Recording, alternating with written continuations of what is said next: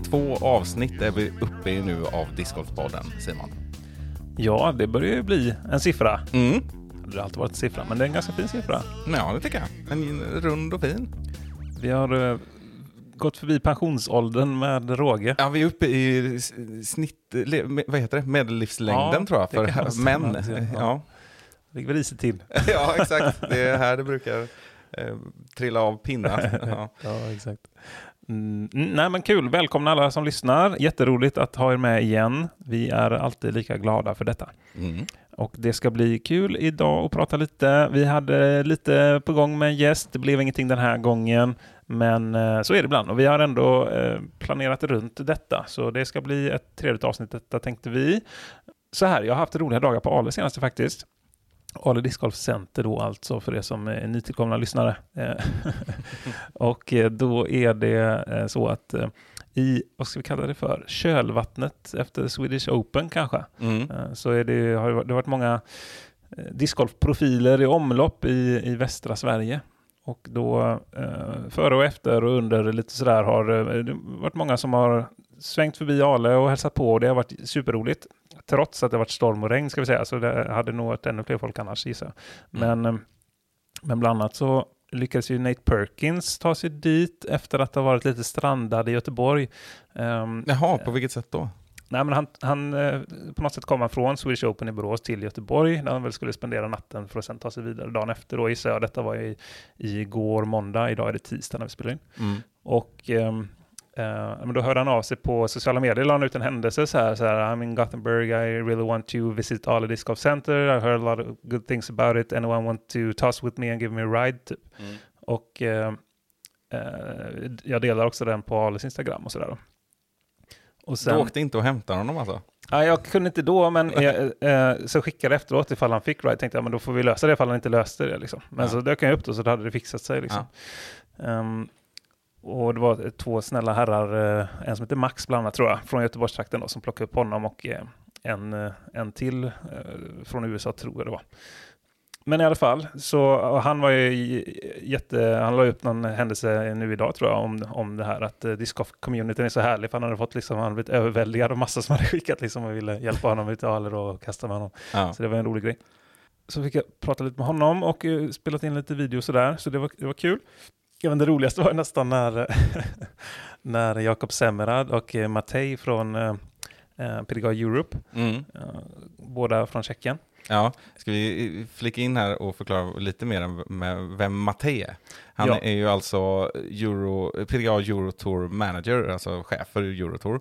Eh, och eh, han är ju också känd för många som eh, killen som satte sig upp och sa emot mot Nicolò Castro i, ja, i samband med att han blev avstängd då på European Open.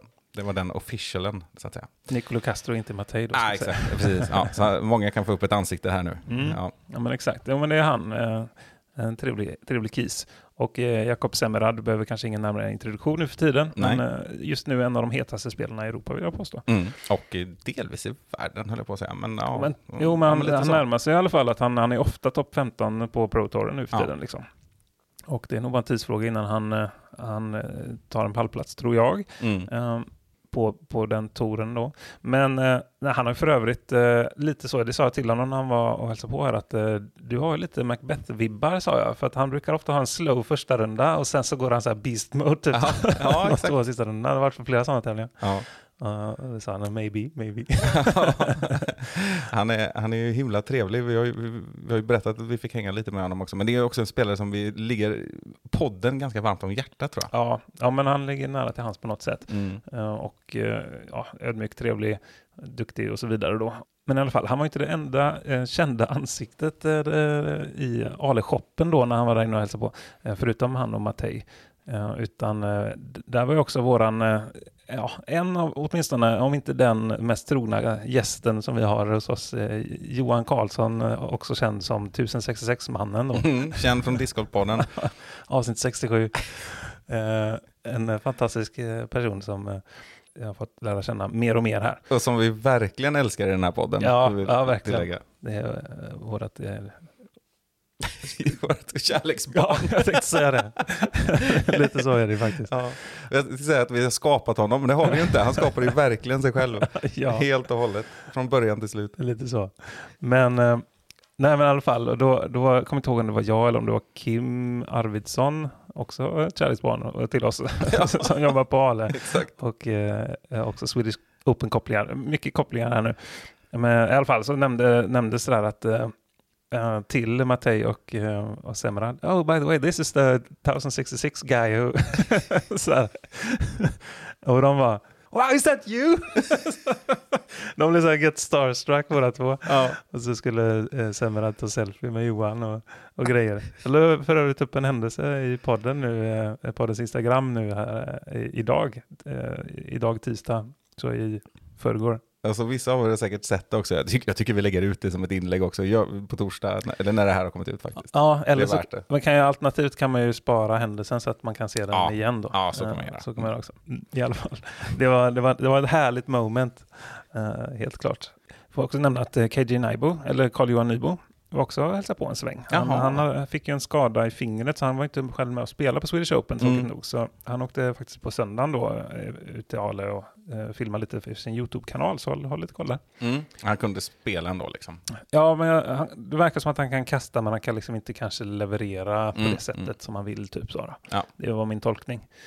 Där pratar vi också om någon sån där 5 plus discgolf-profil ju. Ja. Alltså, Superhärlig människa. Ja, på alla sätt Mm. och vis. Ja, precis. Ja, så eh, bra kille. Stötta honom. KJ Disk tror jag det heter på YouTube. Ja. Carl-Johan Nybo brukar jag vilja nämna att han heter också. Inte bara KJ Nybo. Nej, men det, Men det är ju helt rätt i det sammanhanget. lätt, liksom. ja, ja, ja, visst. eh, Det är ju det han är känd som mm. i discgolfen. Numera Discraft-profil från eh, att ha varit en Innova-spelare så länge jag kan minnas. Ja, 15 år eller Mm. något sånt där. Intressant. Ja. Det pratade vi om lite om när vi pratade om silly season tror jag. Mm. Men, nej, men det om detta. Ska vi ta en liten, liten, liten jingel? Ja, det tycker jag.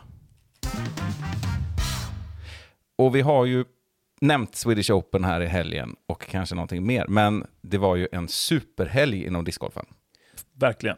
För många på förhand kanske lite för superhelg. För mycket superhelg. Alltså, Krockar liksom. ja exakt. Alltså, för vi hade ju då Swedish Open som jag ändå tyckte, eller definitivt eh, så att säga, stal väldigt mycket av uppmärksamheten den här helgen. Det var ju svårt, eller tog mycket plats eh, i, i discgolfvärlden. Ja, alltså det, det är lätt att tänka att vi är biased för att vi är från svenska väst, eller från Västsverige. Mm. Och att det är självklart att det stal uppmärksamheten för oss. Men jag tror också, du är inne på något, att det gjorde nog även det ganska mycket globalt. Sen är det väl säkerligen många amerikaner som följde The Preserve då, som vi ska komma in på kanske ännu mer då. Men, Ja, men i alla fall, så det var ett jättebra jobb. Ja, men fyra stora tävlingar och ja, precis, min, min, min uppfattning är liksom sådär, det, det är alltid vanskligt och man kan inte bortse från det här med bubblor liksom, även Nej. på sociala medier, men jag tycker ändå så att så här, amerikaner som eh, kommenterar på spelares eh,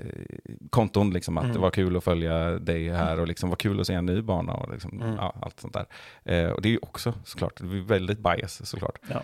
Och sen också då att vi kanske är lagd mer åt Disc Golf Network-hållet eller eh, Eurotour-hållet istället för Disc Golf Pro Tour där Tyni kanske drog jättemycket tittarsiffror på sina kanaler. Det har jag ingen aning om, men svårt att tro att det fick ett genomslag som liknar Disc Golf Network. Det är ju svårt att tro. Framförallt i USA. Ja, det, ja men så så är det antagligen. Så ja. Utan Men att ha jag, siffror så känns det ju naturligt. ja, exakt. Ja, nej, men det var ju... Men det är ju ändå... Uh, Tyni får man ändå säga är en väldigt stor tävling Ja. också. Det var, de, hade, de har väl fortfarande bland de flesta deltagarna i hela Europa. Eh, så det, det, det är ju deras eh, Europas eh, DDO brukar de jämföra det med, eller för detta Glassblown Open. Mm. Så det är definitivt en stor tävling. Och sen eh, på um, lite mer nationell nivå då, eller 100% nationell nivå, eh, var det också lag-SM Mm. uppe i eh, Umeå. Stämmer. Så där har vi kvadruppeln. Ja, och profilstarka tävlingar allihop. Men det som kanske som jag reagerade på när jag var inne och kollade lite på Tyni sådär, resultatlistorna, otroligt finskdominerat. Vilket Ja. inte är så konstigt, Nej. men eh, inte mycket större stjärnor kanske från andra länder som, Mm. som det har varit historiskt heller. Så Ja, de det kan nog stämma. var nog kraftigt drabbade av detta ändå. Ja. Men vi hade ju också svenska inslag. Det hade vi, dit kommer vi. Mm. Ska vi. Var ska vi börja tycker du? Ja, men jag tycker vi börjar med Swedish Open. Ja, det, Det ligger ju känns- nära till hands och vi har pratat lite om, eh, om efterskalven på Ale och sådär. ja, exakt. Så det blir väl smart.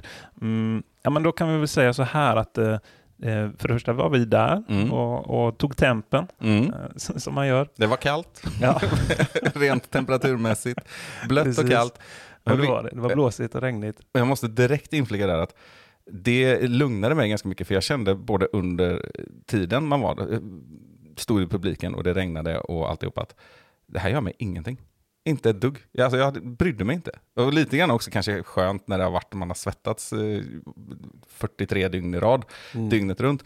Men alltså, det lugnar mig lite också inför Åland, att det, det behöver inte vara katastrof. Nej. Och jag tror inte att de upplevde det så som arrangör heller. Såklart har man heller haft kanske 23 grader och sol och lagom vind. Mm. Men vilken jävla uppvisning. Ja, och så som publik så gör det inte lika mycket. Men personligen så tycker jag inte det är lika kul att spela, men det är en annan sak Mm. när det är regn. Liksom. Ehm, men det är samma för alla och hit och dit. Eh, men ja, nej, och, och mycket folk var det och, och sådär. Men det, i och med att det var så pass mycket eh, många duktiga spelare i fältet så gjorde det inte jättemycket att hoppa runt lite mellan carden. Liksom. Nej, För följer man bara lead card så får man ju väl säga att det var svårt att se mycket. ja. Eh, Så enkelt är det. Mm. Men sen så, ehm, ja, som sagt, kunde man hoppa ner och kolla lite på vi kollar på Knut uh, Valen Håland, vi kollar på Hjalmar Fredriksson, vi kollar på, kollar på Gustav Dahlén och eh, Ronny Rönkanen, Emil Dahlgren, Hjalte Jensen. Ja. vi var ju där, eh, som ni hör, under MPO-rundan då. Vi hann inte dit på morgonen. Nej, Nej. precis. Vi var där på eftermiddagen. Um, eftermiddagen, kvällen blir det snarare. Mm. Så nej, det, var, eh, det, var, det var skoj. Och sen eh, var det två olika typer av fighter i FPO respektive MPO kan man ju säga. Ja, det kan man ju verkligen säga. Det, vi kan väl starta med att säga en imponerande seger för Silva Saarinen i FPO. Tydligt eh, dominerande. Ja, verkligen. Det var ju liksom lite grann avgjort. Ja. Och det- oerhört spännande också, för hon vann ju även i krokkoll. Och det Mm. var någon, om det var PRO Eurotour som förde något resonemang på Facebook, att eh, det blir väldigt kul att se henne i nu de här andra större tävlingarna när konkurrensen ökar också, och till och med Euro, European Open eller om hon åker Mm. över till USA och så vidare. Eh, vad det gör med hennes spel då, för att det är ju lätt hänt på en sån tredje runda, man leder så överlägset att hur het kan man bli liksom? Mm. Det, man bevakar ju mest liksom. Precis. Och det, det är intressant att du resonerar kring det. För eh, eller, kom, vi sätter en pin i det säger man? Mm, mm. Och så kan vi prata om det lite om på The Preserve sen. Mm. Eh, men eh, då kan vi hoppa över till MPO då på Swedish Open. Och där hade vi en tydlig battle mellan eh, America's Finest och Europe's Finest, kanske då just Mm. nu på ett sätt. Mm. Ehm, och det var ju då Paul Macbeth versus Niklas Antila. Ja, vilken duell sen. Alltså, Ja. Oerhört trevligt. Jag tänkte jag skulle skicka till Mikael även på söndagen. Då pratade om Mikael som var med i förra avsnittet. Mikael Svensson från Ymer. Att eh, det funkade att titta hemma i soffan också. titta hela rundan, hade med mig familjen och pausade lite för lite käk och sådär. Men det var roligt även för fyraåringen hemma alltså. Mm. Och, nej, makalöst spännande från början till slut. Och innan dess också då att vi hade med Dennis Augustsson i den här eh, Fighten. Ja, i fighten ja. ja. Och, och, ja, och fler till, därtill också. Länge under tredje rundan var ju Jona Heininen med också, åtminstone för en pallplats. Mm. Så, så att, eh, En nej. av få Innova-sponsrade finnar förut va? Ja, det måste det ju vara. Det kan inte vara många, nej. Men eh, nej, den här duellen ända in i kaklet alltså. Och avslutet, en arrangörsdröm för övrigt. Det måste, ju vara... Långputt på sista hålet. ja, exakt. Och vi behöver, var, han gick för den säger vi. Men, eh, till skillnad från vad han själv säger. Men, nej men alltså den här känslan av just, återigen då det här, det spelar väl ingen roll om det regnar eller någonting. Och det syntes ju också med så mycket folk och, och med en sån inramning när det blir en sån spänning och sån fight. Och uppenbart minnen för livet. Alltså det gick ju att ta på stämningen och känslan runt 10-1 liksom redan eh, när de ropade upp där, vi var ju där på runda två, när det kommer det här liksom, sexfaldiga världsmästaren Paul Macbeth presenteras. Liksom. Det han fick ju nästan mest jubel. och det går ju att knyta tillbaka på något sätt till det här vi pratade med Mikael om, hela historien. Och det var lätt att stå där och tänka, jag tror jag sa till dig i den stunden, att man blir ju rörd å deras vägnar. Liksom. Att man har kämpat länge, man har jobbat otroligt mycket. Och det måste vara väldigt eh, häftigt. Och för det var enkelt för mig att liksom finnas ganska mycket i stunden där på något Mm, sätt. Och bara absolut. känna det här att fan vad häftigt. Här har jag också varit i över ett decennium liksom, och sett utvecklingen under de andra. Ah, eh, balt. Mm. Bra sammanfattat. Jo, nej, men jag håller med. Jag håller helt med. Och för er som inte har sett detta så kan vi ju spoila att det var Paul Marquette som drog det längsta strået, för nu är det så många dagar efter. Men gå in och titta på det. Det var rafflande och det finns ju postproduktion på detta också om man inte vill gå in på Disc Golf Network. Just det, och det tror jag det är MDG Media som har det. Va? Ja, det går att söka på YouTube på Swedish Open, helt enkelt. Swedish Open Disc Golf eller något sånt där. Och passa då på att lyssna på oss eh, när vi var med förra året, Ja. 2022, Swe- och när vi ser den Swedish Open också. Ja, Disc Golf Pro Tour delade ju oss. Ja, det var lite roligt. Vi fick vara med på Disco Pro Tours Instagram där. Ja, Kanske på Facebook också, det vet jag inte. ja exakt. Så- Säkerligen. Så det var Vi roligt. säger det. Ett av Linus vackra kast på hål 5 där som nästan räddade en igel på, om man nu kan rädda en igel. Om man heter Linus Karlsson ska man göra det. ja, det är väl så. Uh, nej, nej, kul. Så då, och då var det ju istället ehm, Highland Production som uh, höll i den postproduktionen. Bra shoutout. Mm. Bra shoutout till bra personer. Men du hade satt en nål i någonting. Ja, just det. Jag hade satt en nål i The Preserve. Eh, denna bana som växer lite på mig och många tror jag med tiden. Och den fick ju en del kritik första året den var med, vilket jag tror det är tre år sedan kanske nu. Mm, det kan nog stämma. Ehm, med eh, Kaeli Viska, en eh, Prodigy-sponsrad eh, legend får man väl säga, eh, från eh, de norra delarna i USA. Jag tror detta är i Mon- Minnesota. Min, ja, Minnesota eller Mont- eh, Montreal tänkte jag säga, men eh, Montana eller Minnesota, men jag tror du har rätt när du säger Minnesota i så fall. Ja, ja. Ehm, precis, och då, eh, då handlar det om en nedlagd golfbana som har byggts om till en, eh, till en discgolfbana då. Och eh, från början, det är väl fortfarande en hel del ganska lite, lite väl öppna och långa hål sådär kanske, och det blir väldigt många, ehm, väldigt mycket birdies och så, men han har, jag gillar liksom grundtanken han har, det är att hålla sig väldigt naturligt. Det är lite, lite som Ale har tänkt där, eh, när gänget anlade det där, att eh, försöka ha mer naturliga OB än konstruerade OB och så får mandon och sånt där som möjligt. Ehm, och då, och då kanske det blir så på en sån bana så att säga. Ehm, men jag tycker han har hittat mer och mer där. Det är väl han som håller i bandesignen mest, Cale tror jag. Mm. Och eh, roligare och roligare att titta på för varje år tycker jag. Ja, och vi var ju inne på det med krokhåll också, att det var så långt över förväntan för oss som också är skeptiker till eh, golf, bollgolfbanor eh, som discgolfarenor på något sätt. Men jag tror att en nyckel i detta är ju att det finns ingen bollgolf där nu. Nej, alltså nej, nej. går formade liksom utifrån de förutsättningar som har funnits. Eh, men med krokgolf var det ju exceptionellt just det där, att det Mm. var som att det var gjort för discgolf. Så att, på ett sådant sätt så att bollgolfarna inte kom i tillräckligt stor utsträckning. Nej, det var, det var liksom smalare fairways. Ja, Och, och kuperat. precis. Och tydligen sådana här zoner liksom. Och hela tiden den här tanken, jag känslan var, men här går det väl inte att spela bollgolf? Bollen måste ju rulla ner. Ja, jag har ingen aning. Men, eh, nej, men jag, har, jag delar den känslan Mm. att Preserve eh, har eh, potentialen att göra något bra av det. Mm. Ja, men det tror jag också. Och det var väldigt bra jämförelse du gjorde däremellan, för det är väldigt stor skillnad på de eh, ja, fastigheterna, så att säga. Ja, exakt. Medan då, vad har vi för andra exempel? Las Vegas till exempel. Där ska vi ju då flika in, eller väga, det behöver vi ju inte göra, men jag vet ju att Linus Karlsson till exempel tycker att det var väldigt ku- kul Mm. och gillar den banan. Så det, vi har ju inte varit där. Nej. Men jag, jag tycker inte det ser lika kul ut på film heller, som det gör från de andra två banorna. Nej, nej men det håller jag med om. Det håller jag med om. Låter Men- som att jag tittar på discgolf via VHS-kassett. Man tittar på film. Det, ju, det gjorde man ju förr. Ja, VM 2020, 2004 till exempel. just det. Men, eh, nej men oh, nu kommer vi spoila lite kring de här banorna. Jag hoppas att ni följer med och inte stänger av på grund av det. Eh, och de här tävlingarna ska vi säga. Och eh, det är ju så att eh, där hade vi ju en eh, tydlig seger på eh, damsidan i form av Katrina Allen som, Mm. som väcktes till liv och kunde hålla Tatar st- stången. Eh, och Tatar var ödmjuk i det och sa liksom att men Allen hon spelade grymt och jag hade ingen chans mot henne den här veckan. Liksom. Mm. Eh, och eh, det känns som en bana som passar henne. Hon, har, hon är väldigt bra från tid liksom.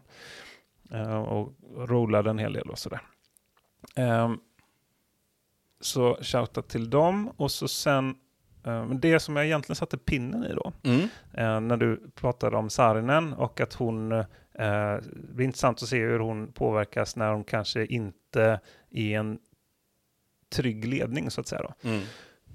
Men jag kollade på någon coverage då från The Preserve, jag kommer inte ihåg vilken, men då diskuterade de just att eh, Ricky Wysocki är nog den spelaren som är bäst på att hålla en ledning. Liksom. Att fortsätta pusha, att känna att, eh, att inte just tappa liksom, den här eh, viljan att eh, göra bra ifrån sig. Liksom. Han går för igelserna ändå. Liksom. Mm. Han, eh, och, och, om det är bra eller dåligt, det är en, en annan fråga kanske, men det visar sig ofta vara bra. Mm. För att han, han släpper väldigt, väldigt sällan en ledning och han Mm. fortsätter liksom sätta den här pressen på sig själv i puttarna på ett bra sätt. Liksom. Mm. Mm.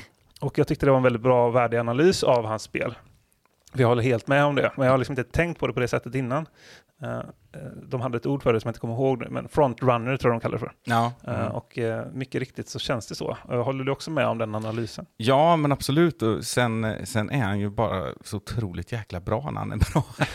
jo, men det, jag tror, ja, Ja, men det är, absolut. det är nog det, är nog det, det är, liksom, om du Ja. förstår. Ja. Alltså när han Mm. väl är bra så är han väldigt bra. Och det är exakt. just för att när han väl är på topp där så triggar han sig själv och så bara han sticker iväg. Liksom. Ja, och så alltså- går han minus 15 trots två boogies. liksom. Det är helt Ja. sjukt. och det finns så många bra exempel på när han också har kommit in i sådana här beast modes. Liksom. Ja. Att han har gjort det, var väl VM eh, 2019 till exempel i, i eh, Emporia. Mm. Eh, där han gjorde väl inte alls en bra första runda. Då, det året kändes ju verkligen som att det var den här duellen Paul Macbeth Mm. Ricky Wysocki. Det var sista gången in, inför ett VM det verkligen kändes som tydligt det. Ja. Eh, och då, han gjorde en, en dålig runda, sen gick han väl så minus 14 eller något sånt, galet, Mm. långt före många andra. Eh, överlägset bästa rundan liksom. Och, och, och hela tiden fram till sista rundan var det så där att nu, vart är Wysocki nu egentligen? Liksom? För det var ju då Emerson Keith var, Ja. var med och var bra och allt det där liksom. Men man var hela tiden så här, man måste kolla på, kolla på Wysocki nu. Och så skick, skickade det var, det var väl säkert en bra livesändning också. Så de var så här, de kunde, hela tiden, de kunde ha koll på honom. så här, Mm. Ja, att nu, går han, ja, nu gjorde han en, turkey här liksom. Och, Ja, satte någon så här 27 meters putt och bla bla bla. Och så var det så där. Ja, det skapar en sån bra nerv och det är sådana spelare man vill ha. Mm. Ja, men där är nog, för, jag håller med dig, att visst han kan också gå in i sån McBeast mode och det är ju delvis det han gör. Men Mm. det är ändå en liten distinktion där tycker jag. Ja. Att uh, Rysocki har oftare en bra första runda som man sen då surfar vidare på. Medan Macbeth har ju den här tröga starten lite grann som vi pratade om med Semmerad där till exempel. Och Mm. sen så bara smäller det till de två andra rundorna då. Mm, Eller hur mm. många runder det nu är. Ja, exakt. Ja, men jag håller helt med i det. det Wysocki är inte den eh, spelaren vanligtvis. Och det är också det är intressant när vi, vi pratade om det på Swedish Open. Att han gjorde väl en bogey på hål 18 första dagen tror jag. Macbeth ja. Ja. Mm. Och då sa vi så här att ja, det blir det ju birdie imorgon. Liksom. Sen tror jag, det, jag tror jag man kanske gjorde par då på andra rundan. Jag tror han gick från dubbelboogie till boogie till birdie. Ja, så, var tror det till och med. Men Ja. det var ju exakt den tanken var ju rätt liksom så att säga. Ja, det är liksom en spelare som, han gör inte samma misstag två Nej, gånger på nej. samma helg. Det, är- så känns det. Den, det är klass. Ja, men verkligen. Nej, så det, det är fascinerande att, att följa profilerna inom discgolfen. Vad hade vi för vinnare på Preserve då? Sa Chinellen och Rigo Wysocki ja. Jajamän. Ja, så, så blir det ju. Ja. Det stämmer bra. Vi, vi nöjer oss i det. Ganska tydligt tycker Ja, exakt. det, är, det är ju trots allt dem vi har pratat om bara. Jag. Jajamän. Men eh, då, då vänder vi blad då och så ska vi rikta oss, eh, tycker du, mot Finland eller ska vi rikta oss eh, mot Umeå? nej, vi tar Finland Vi först. tar då. Finland. Mm. Mm. Huvudputti. Det är bra kast och bra putt på finska det. Ja, jajamän. Ta jag med, det är bra vokabulär att ha. Precis. Det är inte lika bra. Nej, vi har tömt ut finskan nu. Det var allt vi kunde på finska nästan. Ja. Inte riktigt, men ja. Vi, vi nöjer oss där. Ja. Vi drar till Finland nu då. Ja, vi drar till Finland, vi drar till Dyni. Mm. Och eh, som sagt den här, eh, den här stora tävlingen som, som var i samband då med alla de här andra tävlingarna. Och där hade vi ju, börja med eh, damerna först här, så hade vi ju våran kära vän eh, Rachel Turton som, som vann. Ja, som inte ska uttalas. Rachel Turton. Ja, till vår stora besvikelse Ja, hade vi ju inte koll på detta. Vi trodde ju att hon var skotte eh, och från St. Andrews. Hon var ju bara bosatt i St. Andrews. Ja. Var hon typ från Liverpool-trakten? Ja, exakt. Liverpool-trakten. From the tract of Liverpool.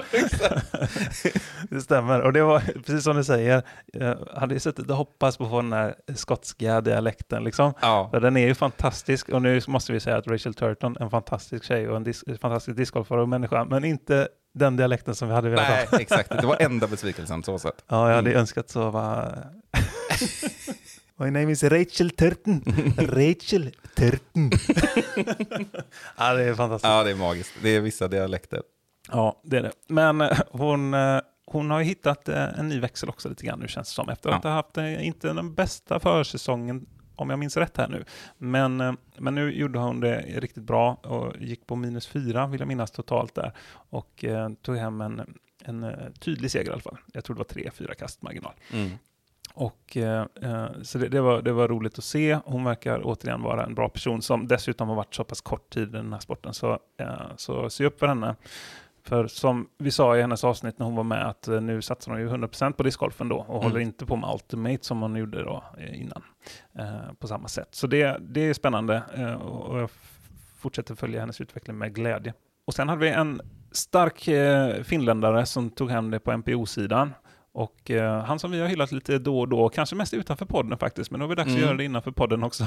Ja, han eh, gör sig påmind i eh, resultatlistor och eh, annat. Och är förmodligen en jätteframstående person inom den finska discgolfen. ja, då pratar vi om Lauri Lehtinen. Precis. Latitude 64-sponsrad eh, herre. Och det som vi menar lite grann när vi, eh, när vi har hyllat honom lite sådär, att det känns som att han har en väldigt så professionell aura på något Mm. sätt. Eh, och eh, liksom en, en bra profil för discgolfen generellt i känslan. Ja, U- verkligen. Utan att egentligen han kanske, utan att han tar för sig jättemycket då. Mm. Eh, som skulle han ju kunna göra mer antar jag. Ja. Men, eh, ja, men han verkar väldigt vettig och eh, har koll på sitt spel och verkar väldigt allround så. Ja, en annan rolig reflektion eh, just på Swedish Open när vi stod vid något sådär, eh, följde, eh, vi följde ju egentligen Hjalmar Fredriksson då på Ja. ett håll. Och så var det sådär, ja det, vilka är det på den här nu då? Så försökte vi kolla lite i telefonen, ah skitsamma, ja men det är Hjalmar och så var det, eh, ja, någon mer och så, var ja någon finne liksom. Och så konstaterade vi, ja det är alltid någon finne sådär. Och de är så jädra många och de är så jädra bra allihop. exakt. Eh, och så börjar det bli på damsidan också där. Mm. Eh, eller har väl varit länge såklart i jämförelse med andra länder. Men, men och så när jag kollar lite noga, vad fan det är ju Thomas Hyttja. liksom. Det är inte vem som helst, Det var ingen liksom. dussinfinne. Eller det snarare, han var det där dussinet åtminstone, Ja, liksom, och, ja, exakt. med råge. Nej, det, det är häftigt. Mm. Och tänk då liksom att, eh, apropå det jag säger, att det var mycket finska namn i MPO framförallt, kanske då i Potuni. Mm. Eh, ja, då var ju ändå Antela och Hyttjainen och ett gäng till inte där. Jona. Heinonen, som också, de var ju i Borås liksom. Mm. Och Mäkelä var kvar i USA tror jag. Ja, det måste han ju ha varit. Mm. Så. Mm. ja, nej, det, det finns ju gott om finnar så man kan sprida ut dem på en superhelg. Liksom. Finnar finns. finnar finns.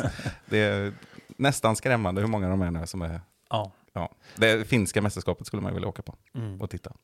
Det var intressant när jag kollade på en av sändningarna från, eh, eh, från Disc of Pro Tour i Europa då. Mm. Eh, där, då har de ju en studio i Helsingfors nu för tiden eh, där, eh, där det sitter två stycken finländare då och eh, kommenterar på engelska och eh, inte minst då på Swedish Open-sändningen så pratar de ju mycket om eh, eh, de svenska talangerna, vilket är kul att lyssna på. om eh, bland annat då de, de duktiga leftisarna Hjalmar Fredriksson och Dennis Augustsson då som fick vara i, i in the spotlight en hel del. Mm. Och eh, så pratar de om det att ja, det kommer väldigt många svenskar, väldigt många unga svenskar som är duktiga. Eh, men så pratar de också om att nu kanske liksom den här eh, svenska storhetstiden är på väg tillbaka också lite grann. Mm. Och det var så kul att höra från dem då. För det är en Mm. sak att vi sitter och säger det som är liksom extremt eh, partiska då. Eh, och eh, vi, vi kan ju gärna sola oss i glansen från, från 2003 till 2008 liksom Mm. med, eh, med Birgitta Lagerholm och, och de som eh, de nämnde på coverage där var väl Jesper Lundmark och Marcus eh, Källström. Ja, exakt. Ja, men- det, det är gänget liksom. Ja. Eh, och det hade varit så kul att få in att, liksom, att Dennis och Hjalmar och gänget och ehm, Matilda Ringbom och vilka det nu kan vara då, att de liksom blir de här nya Mm. svenska storspelarna. Det hade varit häftigt. Ja, verkligen. Ja, det syns ju verkligen både på, på dam och herrsidan. Eh, i Sverige tycker jag också. Och vi har ju ännu yngre som Julia Fors. Som Ja. jag var lite starstruck när jag, Ja, jag ja, hade träffat henne.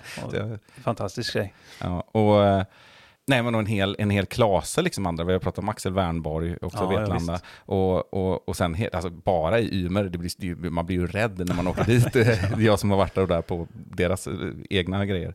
Det är ju varje vecka så är det så här, ja nu ställs man mot den här, ja okej. Ja, han kastar ju också för långt på hål 6 liksom. Vad fan ska jag göra? Det är aldrig slut med så här juniorer från Borås. Nej, och Josef Boman som vi också hejar på på, på Swedish Open, han gick ju minus 6-runda där liksom. Ja, ja visst. Runda två. Och bröderna Håkansson, nu var inte de med på Swiss Nej, Open, men, men eh, hade de varit det så hade de varit lika farliga där känns det som. Ja, de, alltså vilken utveckling. Och det fick lite karkå där, man tänker på alla. Det, det, det är tur att man inte kommer ens kunna tävla mot dem. Nej, det är väl så. Mm. Eh, Det kanske är lagom till att eh, både du och jag går upp i MP40 så småningom. Ja, Den dagen, den glädjen. ja, exakt.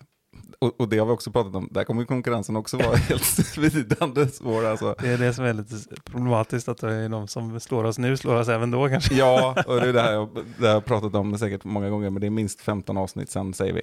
Så då kan jag nämna det igen, att om man ska spela VM när jag fyller 40 eh, och faktiskt vara i form, ja, men då är, då är Big Germ och Nate Sexton samma årgång som mig, så det, det blir liksom inte, Mm. det går inte bara att hämta något. Du får övertala dem att de ska stanna i NPO då. Ja, och tänk då alla doldisar bakom dem, som är liksom, Mm. ja, det- jag tror topp 50 på ett sånt mästerskap är bra liksom. Intressant förut, nu pratar vi om eh, utvecklingen i Europa här, men Mm. utvecklingen i USA är ju inte dålig den heller. Jag hörde en väldigt intressant fakta häromdagen, att eh, mm, nu är jag inte alltid jättebra på siffror som jag nämnt i podden här, så bear with me ifall jag säger lite fel, men summan av kardemumman var i alla fall typ så här, att från 2017 till 2022 har det varit totalt nio olika vinnare på Pro Touren i USA. Eh, och bara i år har det varit åtta olika. Ja, exakt. Då, då är det ju i alla fall Lisotte, en av dem i och för sig då, men ja, nej, herregud. Så det, det säger ju en hel del. Ja, ja, ja. Att eh, rätt som är så kommer någon som man knappt hört talas om och, och skjut, snittar 1050 liksom. Ja. Och så händer samma sak veckan på och veckan på och veckan på. Och liksom, ja, visst, Lisotte kanske vinner två, tre gånger och hittat någon ny gear liksom och Wysocki kanske vinner två, tre gånger också och Heimberg, men sen är det liksom inte så mycket mer just nu. Nej, Utan precis. då är det nya spelare. Ja, och det, det reflekterar ganska mycket över när man går in och tittar nu också i resultatlistan. Det blir ju verkligen värre och värre för varje tävling. Att, och så tittar man kanske var Linus ligger och sådär. Mm. Och så ser man, ja, men kolla vilken han har bakom sig liksom. Ja, exakt. Ja, exakt. vad fan ska man ens kunna... Det går ju inte. Nej. Det är ju helt sjukt. Och då finns det ju såna här, om vi pratar dussinspelare i det sammanhanget, liksom, det är ju, då kommer ju, och jag kan nästan inte säga hans namn på grund av att Adi har pajat det, men Gavin Babcock heter han ju. Jajamän, ingenting annat. det ska vi dra den. Nej, jag, jag tror nog inte vi kanske ska säga det där. Det är lite, det är lite, ja, det är vår kära kompis eh, som kan ha lite barnförbjudna smeknamn på massa Ja, spelare som han både- tycker är kul, som, har, som döper sig på judisk. Exakt, han, har- han, är, han är kreativ, barnslig och barnförbjuden. Jajamän. Eh, Men han, är- ja, det är bara så du vet att jag kan, jag kan liksom inte läsa Gavin Babcock, jag kan inte ens säga det utan att nästan säga fel. Liksom. Det, i, I min hjärna, så när jag ser hans ansikte så hör jag det andra namnet. Mm. Precis. Eh, Om, om man är nyfiken och inte kan hålla sig så skriv till någon av oss eller sådär så får vi väl avslöja vad, vad det är. Men vi drar det inte här. Nej, det låter bra. Men för övrigt då, för att göra lite liknande analys som vi precis gjorde på MPO och utvecklingen där, så eh, jag funderar lite på det på FPO. Eh, För det känns som att FPO är lite där MPO var för sig åtta år sedan. Eller något sånt där. I just den, i den aspekten då. Alltså att Mm. de har, de har mer, visst det har blivit, det har ändå blivit lite mer variation på de toppspelarna. Och bredden blir ju större där också, helt klart. Så det går ju verkligen framåt. Men, men i och med att det inte är lika många aktiva discgolfare så är det en självklarhet också så att säga antar jag. Ja. Eh, Men det, har- det har ju mer tydlig, tydlig dominans där liksom från Först var det från Page Pierce då och Katrin Allen och så, nu är det ju mer eh, Kristin Tatar som, eh, som verkligen leder flocken på något sätt. Och eh, sådär, på ett annat sätt än, än på MPO. Det är i alla fall min tolkning, jag vet inte om du håller med. Ja, Eller det är väl statistiskt liksom bevisat. ja, ja, ja, så är det. Jo, men definitivt. Alltså Tatar eh, är ju tveklöst eh, och konsensus på något sätt världens bästa spelare. Det, det, det, det, går- väl inte att säga något annat. Nej, jag har svårt att tro det. Sen så ser man fortfarande, liksom, vilket är intressant, stjärnor som föds och stjärnor som eh, faller, eller vad ska man Mm. säga, gå- går ner i någon typ av dvala åtminstone. Som till exempel Kona har ju kämpigt på olika sätt. eh, Ja. Eh, både fysiskt och mentalt tror jag hon har kämpat en hel del och försöker utveckla sitt spel och sådär. Och det, det håller vi ju alla tummar vi kan för att hon ska hitta tillbaka såklart. Mm. Um, men så kan man ju se sådana som eh, Cat Merch som helt plötsligt blir som eh, storstjärnor och, Ja. eh, och sådär. Och det, det är intressant att följa liksom en, eh, fältens utveckling och inte bara individernas utveckling. Nej, exakt. Och apropå det där med att man vill åka och titta på de eh, finska mästerskapen, eh, där har vi liksom den bredden. Av toppen i bredden. Eller bredden i toppen, vad säger man? Bredden i toppen blir bättre.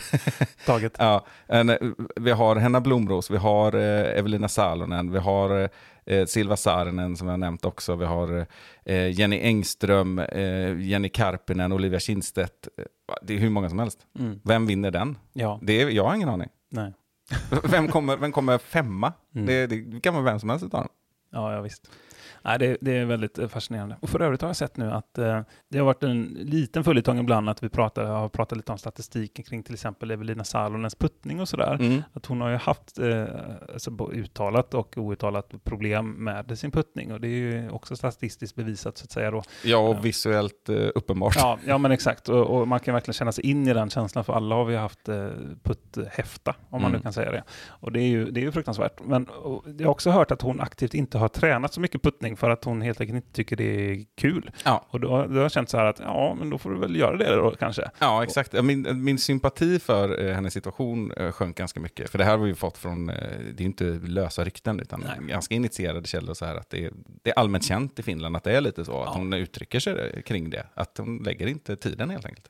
Men det jag skulle komma till är Ja. att nu har hon börjat göra det. Ah. Och eh, hon eh, har börjat nöta och eh, det jag har också sett en del videos och det ser bra ut. Så eh, se upp. Ja, jag. det, verkligen. Och jag är den första att eh, välkomna henne tillbaka. Ja, det är en mäktig spelare att kolla på. Ja, alltså sällan man ser någon som är så linjesäker på, eh, från, eh, alltså, med att bomba en destroyer som hon. Alltså. Ja, precis. Och så den här kraftfullheten som både Mm. hon och Henna har. Och Mm. det var också upplevt det Amanda Lennartsson har för övrigt.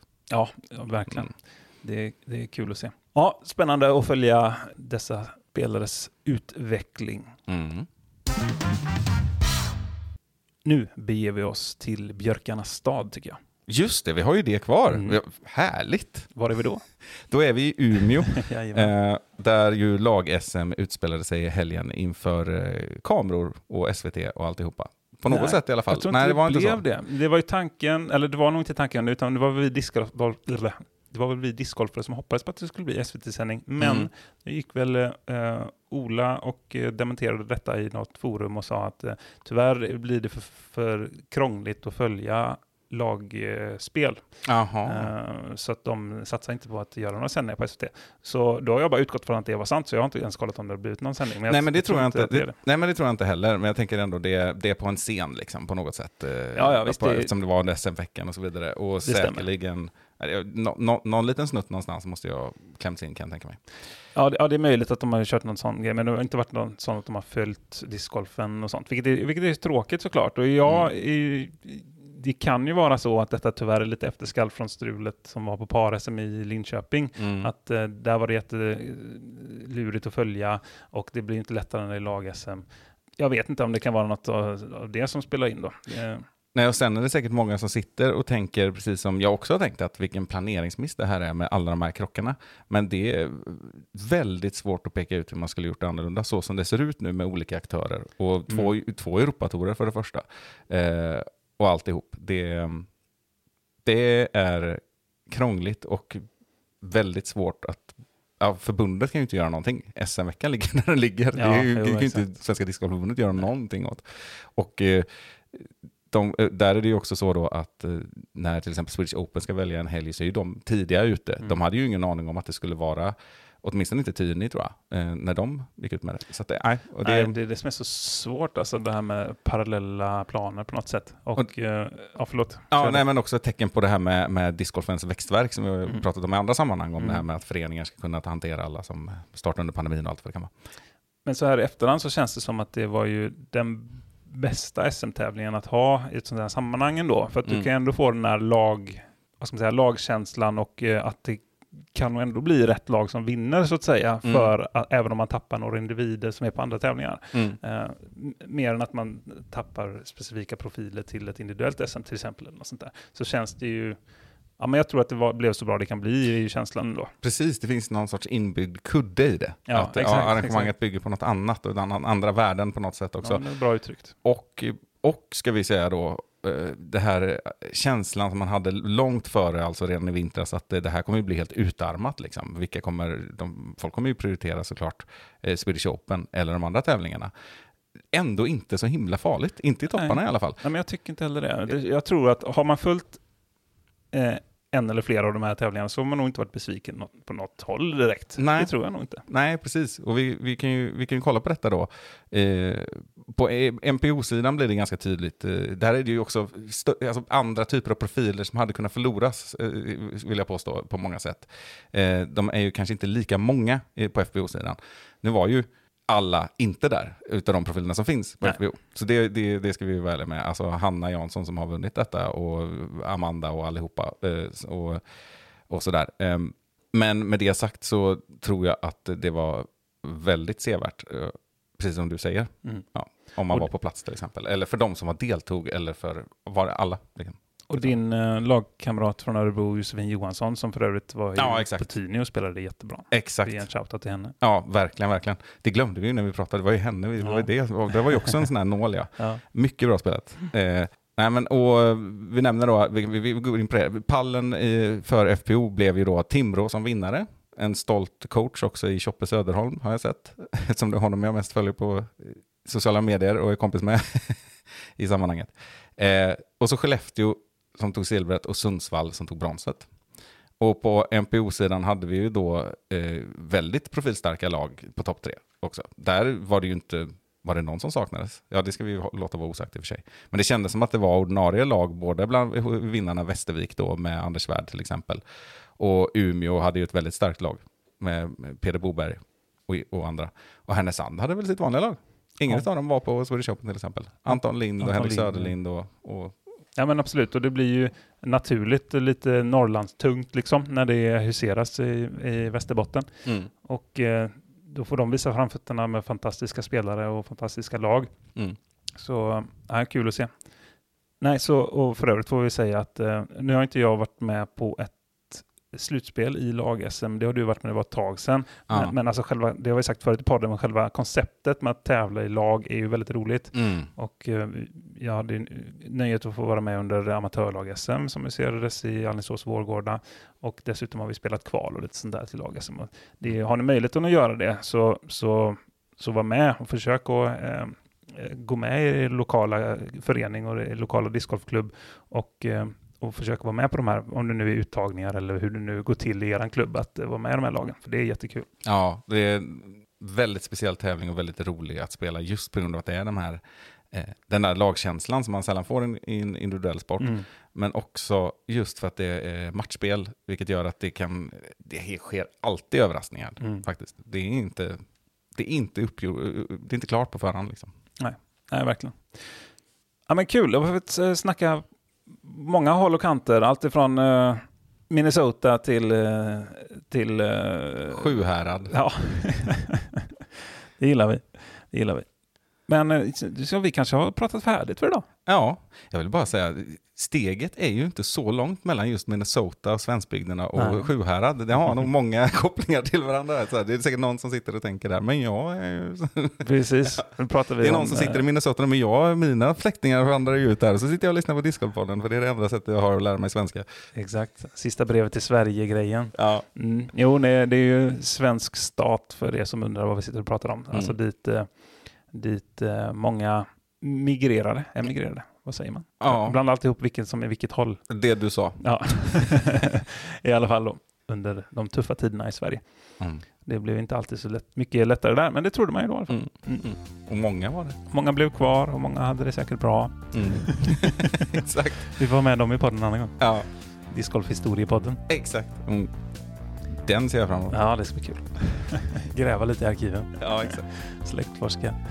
Ja, nog om detta, nog om detta. Vi, vi får säga så här, eh, tack och bock och eh, så hörs vi snart igen där ute. Det är klart att vi gör. Ha det bra så länge. Hej då!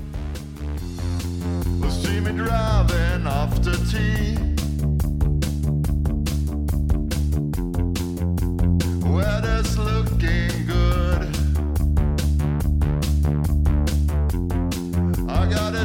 bag full of tricks. Yeah, I got them spinning. I'm listening to music you can't hear. I got my magic plastic in the air.